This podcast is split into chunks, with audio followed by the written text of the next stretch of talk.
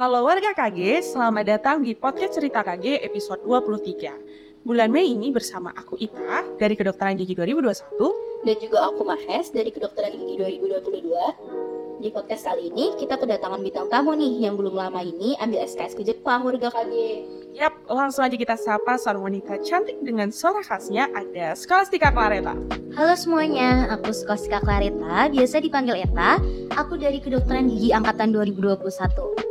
Oke, sebelum lanjut nih, aku mau ngingetin dulu. Sebentar lagi kan ada puncak prasasti. Jangan lupa datang dan ramein acaranya ya warga KG. Yap, betul banget ada puncak prasasti dan warga KG jangan sampai kelewatan. Oke, balik lagi ke topik bahasan kita hari ini bersama Eta yang belum lama ini menyelesaikan dua SKS-nya di Jepang. Jujurnya ya, aku tuh amazed banget sama kamu karena kita kan di angkatan yang sama di semester 4 ini dengan kegiatan yang padat praktikum, kuliah dan segala macam itu kamu masih bisa gitu loh. Nyelinap sampai ke Jepang. Sebenarnya kamu ngapain dan itu program apa sih Kak yang kamu ikutin? Jadi program yang aku ikutin itu namanya adalah program Student Exchange dengan Niigata University dari Jepang. Nah, program ini berlangsung selama 10 hari nih. Keren banget tuh mbak. Cara daftarnya gimana tuh? Kalau dari aku yang kemarin daftar itu, aku lihat info yang di-share di grup angkatan nih. Jadi ada broadcast yang di-share dari ketua angkatan ke grup angkatan. Nah, di broadcast tersebut udah ada dari programnya apa, penjelasannya, terus dari persyaratan pendaftaran, terus juga udah ada tanggal deadline pengumpulan berkas, tanggal wawancara gitu. Mungkin kita bisa kupas ya tentang persyaratannya. Ini persyaratan yang menonjol dari uh, program ini apa sih, Tak? Jadi beberapa persyaratan yang harus aku uh, beri, uh, aku ikuti itu yang pertama kita harus membuat motivation letter, juga ada transkrip nilai, kita harus upload transkrip nilai, terus kita juga upload berkas dokumen paspor kita, Terus yang terakhir juga harus menyertakan skor dari English test. Buat English testnya ada mungkin ada minimal nilai gitu mbak? Uh, kalau setahu aku sih nggak ada ya karena dari broadcastnya juga nggak diinfokan. Terus dari dokter penanggung jawabnya juga tidak uh, memberi memberitahukan tentang minimum skor dan lain-lain gitu. Cuma emang ada syarat yang English test itu hanya boleh dari TOEFL atau IELTS. TOEFL like itu setahu aku juga nggak boleh. Oh, cuma bisa dari itu ya. Oke, selanjutnya tadi ada transkrip nilai. Ini mungkin transkrip nilainya ada minimalnya nggak tuh, Tak? Kalau dari aku kemarin sih nggak dikasih tahu tentang min minimal IPK dan lain-lain sih. Jadi cuma menyertakan aja transkrip nilai kita semester akhir-akhir itu. Kita udah bahas tentang syaratnya, cara daftarnya. Terus ini sebenarnya program ngapain sih tak di Jepang? Jadi di sana kita ada beberapa kegiatan. Yang pertama kita ada lecture, terus juga ada clinic visit, juga ada hospital visit. Ada tiga kegiatan lecture, hospital visit, sama clinic visit. Mungkin jelasin dulu lecture-nya kamu ngapain? Apa kamu ikut uh, kuliah nih bareng-bareng anak anak Jepang di sana? Apa gimana? Uh, kalau dari lecture sendiri sebenarnya nggak beda jauh sama kita di Indonesia sih. Jadi bakal ada satu dosen dari universitasnya akan membawakan materi di kelas. Terus aku dan beberapa eh, dan international student lainnya juga mengikuti program ini bakal bareng-bareng di kelas dan menyimak penjelasan materi dari dosennya gitu. Ini tadi kamu nyebutin ada uh, bareng-bareng sama universitas lain ya? Apa gimana tadi? Enggak, bareng-bareng sama international student international student dari universitas lain. Berarti yang kamu ikutin ini dari FKG doang atau gimana? Iya, jadi program ini hanya untuk kedokteran gigi sih. Jadi memang di nigatanya sendiri kita juga uh, berkegiatannya itu di dentistry Faculty of Dentistry-nya di Niigata University. Ya mungkin uh, maksudku lebih ke UGM-nya, UGM doang atau ada universitas lain? Oh jadi itu ada universitas lain dari Indo sendiri sebenarnya nggak dari nggak hanya UGM aja nih teman-teman. Jadi juga ada ma teman mahasiswa lain dari UNER ada dari UI juga ada dari UHT nah selain dari Indonesia kayak aku bilang tadi uh, ada mahasiswa-mahasiswa lain dari universitas lain di negara lain nih. Contohnya ada University of Toronto dari Kanada terus juga ada yang dari Thailand, ada Vietnam, Filipina dan kayak banyak gitu. Totalnya kita ada sekitar 40 orang. Jadi ikut bareng di yang uh, Nigata ini uh, adakan ya? Iya betul. Oke, lanjut tadi udah ada lecture, tadi kamu ikut di kelas internasionalnya. Lanjut lagi ada hospital visit. Nah ini ngapain sih, Kak? Jadi kalau hospital visit sendiri itu kita bakal dibagi ke beberapa kelompok dan uh, bakal shiftnya beda-beda gitu sih dari aku waktu kelompokku sendiri kita ada empat orang terus kita ke salah satu hospital di Niigata di sana yang pertama itu kita bakal dapat uh, apa ya semacam pemaparan materi dari dosen eh dari dokter yang ada di rumah sakit itu setelah pemaparan materi atau presentasi kita diajak nih muter-muter di hospitalnya. Jadi yang pertama dimulai dari poli giginya. Di situ kita dilihatin sistem penerimaan pasien perawatan alat-alat dan uh, jadwal penerimaan pasien dan lain-lain. Terus setelah dari poli gigi kita juga dilihatin ke bagian radiologi atau pengambilan radiografnya CBCT MRI dan lain-lain. Itu kita sempat dilihatin juga setelah dari itu kita juga dilihatin sih fasilitas-fasilitas apa aja sih yang ada di hospitalnya terus uh, alur pasiennya terus um, bangunannya seperti apa gitu kita diajak muter-muter kalau dari Mbak Eta sendiri uh, ada nggak nih yang mungkin berbeda atau menarik dari yang ada di Indonesia gitu Mbak? Sebenarnya aku nemuin satu hal yang menarik banget sih menurut aku. Ternyata hospitalnya itu nyambung ke semacam panti jompo nih. Jadi uh, di sebelah gedung rumah sakitnya itu ada nyambung gedung untuk uh, para lansia-lansia yang memang sudah tinggal dan dirawat di situ. Jadi yang menariknya adalah uh, jika ada suatu urgent atau apa ada dokter dari rumah sakitnya ini mudah banget untuk uh, alurnya untuk menangani dan lain-lain. Selain itu juga dokter dari rumah sakitnya ini juga ada jadwal nih buat mengunjungi dan daily check up, monthly check up ke tiap-tiap lansia yang ada di situ. Nah ini Jepang juga ini ya terkenal dengan istilahnya kota yang sudah para orang tua ya. Iya betul. Jadi pas kita lecture juga dijelasin nih kalau di Jepang itu sudah masuk ke namanya super age populity population. Jadi memang taraf umurnya sangat-sangat tinggi sekitar 100 tahunan gitu. Oke, lanjut tadi udah kita bahas hospital visitnya. Lanjut ada ya klinik visit, karena dokter gigi kan terkenal dengan klinik pribadinya atau apa ya gitu ya. Nah ini klinik visitnya itu gimana tak?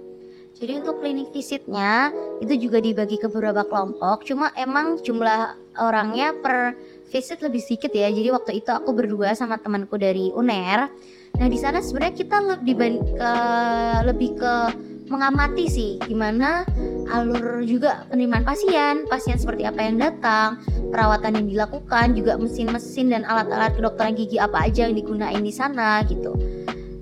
Ya juga karena Jepang itu kan gedungnya juga nggak yang terlalu besar-besar. Nah klinik yang kita datang itu kebetulan juga lumayan sempit, jadi kita cuma sebenarnya di sana cuma kayak ngeliatin mengamati dokternya terus atau higienis giginya melakukan treatment ke pasien keren ya karena program ini tuh ini ya termasuk membuka pikiran kita tentang gimana sih negara lain tentang kedokteran gigi mereka gitu. banget sih. Ini ternyata nggak sendiri ya tak ya ke Jepang? Iya nggak sendiri. Kebetulan aku bareng satu teman aku juga seangkatan namanya Izul. Oh iya Mas Izul ini juga congrats buat kemenangannya. Yeay bersama uh, Mbak Inol ya. Selamat. Selamat. Ya lanjut kita bahas lagi tentang yang di Jepang ini. Di Jepang ini kan tadi udah ke universitinya tentang pokoknya lebih ke arah pembelajaran ya. Ya tentang akademis gitu ya Mbak. Tapi kan kalau di Jepang ini nggak mungkin kalau kita cuma belajar doang. Nah kalau selama di Jepang itu mungkin ada holiday-nya nggak ya Mbak? Holiday ada sih. Jadi waktu aku ke sana itu kebetulan pas banget nih ada satu tanggal hari tanggal merah untuk libur nasional Jepang. Setahu itu untuk pembukaan musim semi di sana. Nah, karena kita ada tanggal merah dari uh, universitasnya memberi, membawakan suatu kegiatan, jadi kami para mahasiswa-mahasiswa yang mengikuti program Student Exchange ini ditemani oleh mahasiswa dari Jepang untuk uh, apa ya istilahnya kita um, explore dan jalan-jalan bareng sih uh, untuk uh, lihat temple, lihat village yang ada di sana ini tadi kan Jepang terkenal dengan apa ya kadang uh, warganya itu tidak belajar bahasa Inggris. Berarti dengan adanya uh, komunitas ini mereka juga belajar bahasa Inggris ya?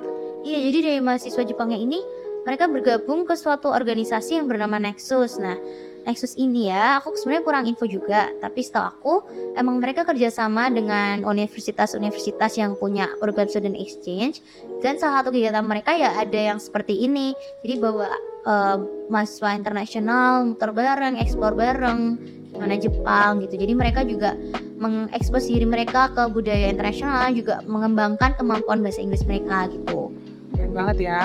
Seru banget tuh mbak Nah, selain holiday yang dari programnya mungkin ada free time gitu. Free time lumayan banget sih. Jadi setelah lecture atau setelah kegiatan hospital dan clinic visit itu sebenarnya kita diberikan free time. Jadi uh, setelah minggu kegiatan ya kita bebas. Hmm, boleh kembali ke hotel atau boleh jalan-jalan mengeksplor kotanya, mungkin juga kulineran gitu bebas banget sih. Kalau dari Mbak Eta sendiri, mungkin kegiatan favorit gitu di free time ini apa? Kalau favoritku sih setelah ke dari lecture aku seneng banget muter-muter dulu sih jadi entah ke taman kotanya atau coba uh, makanan baru bareng teman-teman sebelum balik ke hotel gitu. Oh ngomong-ngomong hotel berarti berarti student exchange ini tidak uh, biasa kan student exchange di luar sana tuh ada tinggalnya tuh di rumah yang satu keluarga dengan orang sekitar kan? Nah berarti ini kamu di hotel ya? Iya benar. Jadi udah dibukin satu hotel dari universitasnya dan kita semua berempat puluh ini uh, bakal di sana selama tinggal. Oke dan oke okay, student exchange ini bicara ke Jepang. Apa mungkin ada student exchange ke tempat lainnya? Uh, pastinya kegiatan program student exchange itu banyak banget ya. Pasti nggak cuma ke Jepang aja. Cuma yang emang aku ikutin ini adalah ke Jepang, ke Niigata Jepang lebih spesifiknya. Terus tahu aku juga bentar lagi nih teman-teman bakal ada program student exchange lagi tapi juga ke Jepang lagi. Cuma bedanya ini universitasnya beda nih ada di Tokyo. Nah teman-teman boleh nantikan info-info selanjutnya. Jadi udah nggak cuma ke uh, Universitas Niigata tapi ada universitas lainnya ya. Betul. Oke, selama kamu uh, mengikuti dua SKS ini, kan dua SKS ini tentunya apa ya membawa banyak begitu banyak pembelajaran. Nah, menurut kamu value-nya apa yang kamu dapat setelah ambil dua SKS ini? Value yang aku dapet sih aku sangat menambah wawasan aku tentang uh, gimana sih kedokteran gigi di luar Indonesia. Nah, gigi di Jepang ini pastinya uh, lumayan berbeda ya dengan Indonesia karena juga mungkin karena demografinya yang berbeda. Jadi permasalahan giginya yang dihadapi oleh dokter gigi di sana, terus mesin-mesin yang digunakan alat-alat kedokteran gigi itu juga berbeda dari Indonesia dan uh, salah satu yang aku notice sih awareness mereka uh, masyarakat Jepang ini tentang kesehatan gigi dan mulut mereka bahkan di usia yang sudah lanjut di lansia gitu sangat-sangat tinggi dibandingkan dari masyarakat Indonesia gitu. Itu ya sih, jadi kita bisa tahu oh ternyata di Jepang itu tentang gigi itu sangat diperhatikan ya, guys. Iya, keren banget ya, Mbak. Jadi dari Mbak Eka sendiri nih, kan tadi udah cerita di sana ngapain aja, apa aja yang didapat. Hmm, buat Mbak Eka sendiri, apakah recommended gitu buat ambil student exchange ini? jujur dari aku sangat-sangat recommended teman-teman pasti kalau melihat adanya kesempatan untuk ikut program student exchange coba aja kalian uh, jangan takut uh, you have nothing to lose karena pastinya banyak banget uh, pengalaman berharga terus nambah ilmu juga teman-teman yang pastinya nggak bakal nyesel kalau ikut.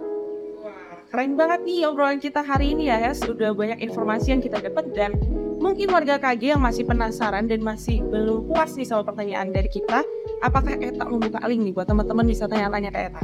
Boleh banget dong teman-teman, bisa hubungin aku lewat Instagram at sekolah dan jangan sungkan ya buat chat aku silahkan mau tanya apa pun I, uh, I'm happy to answer that.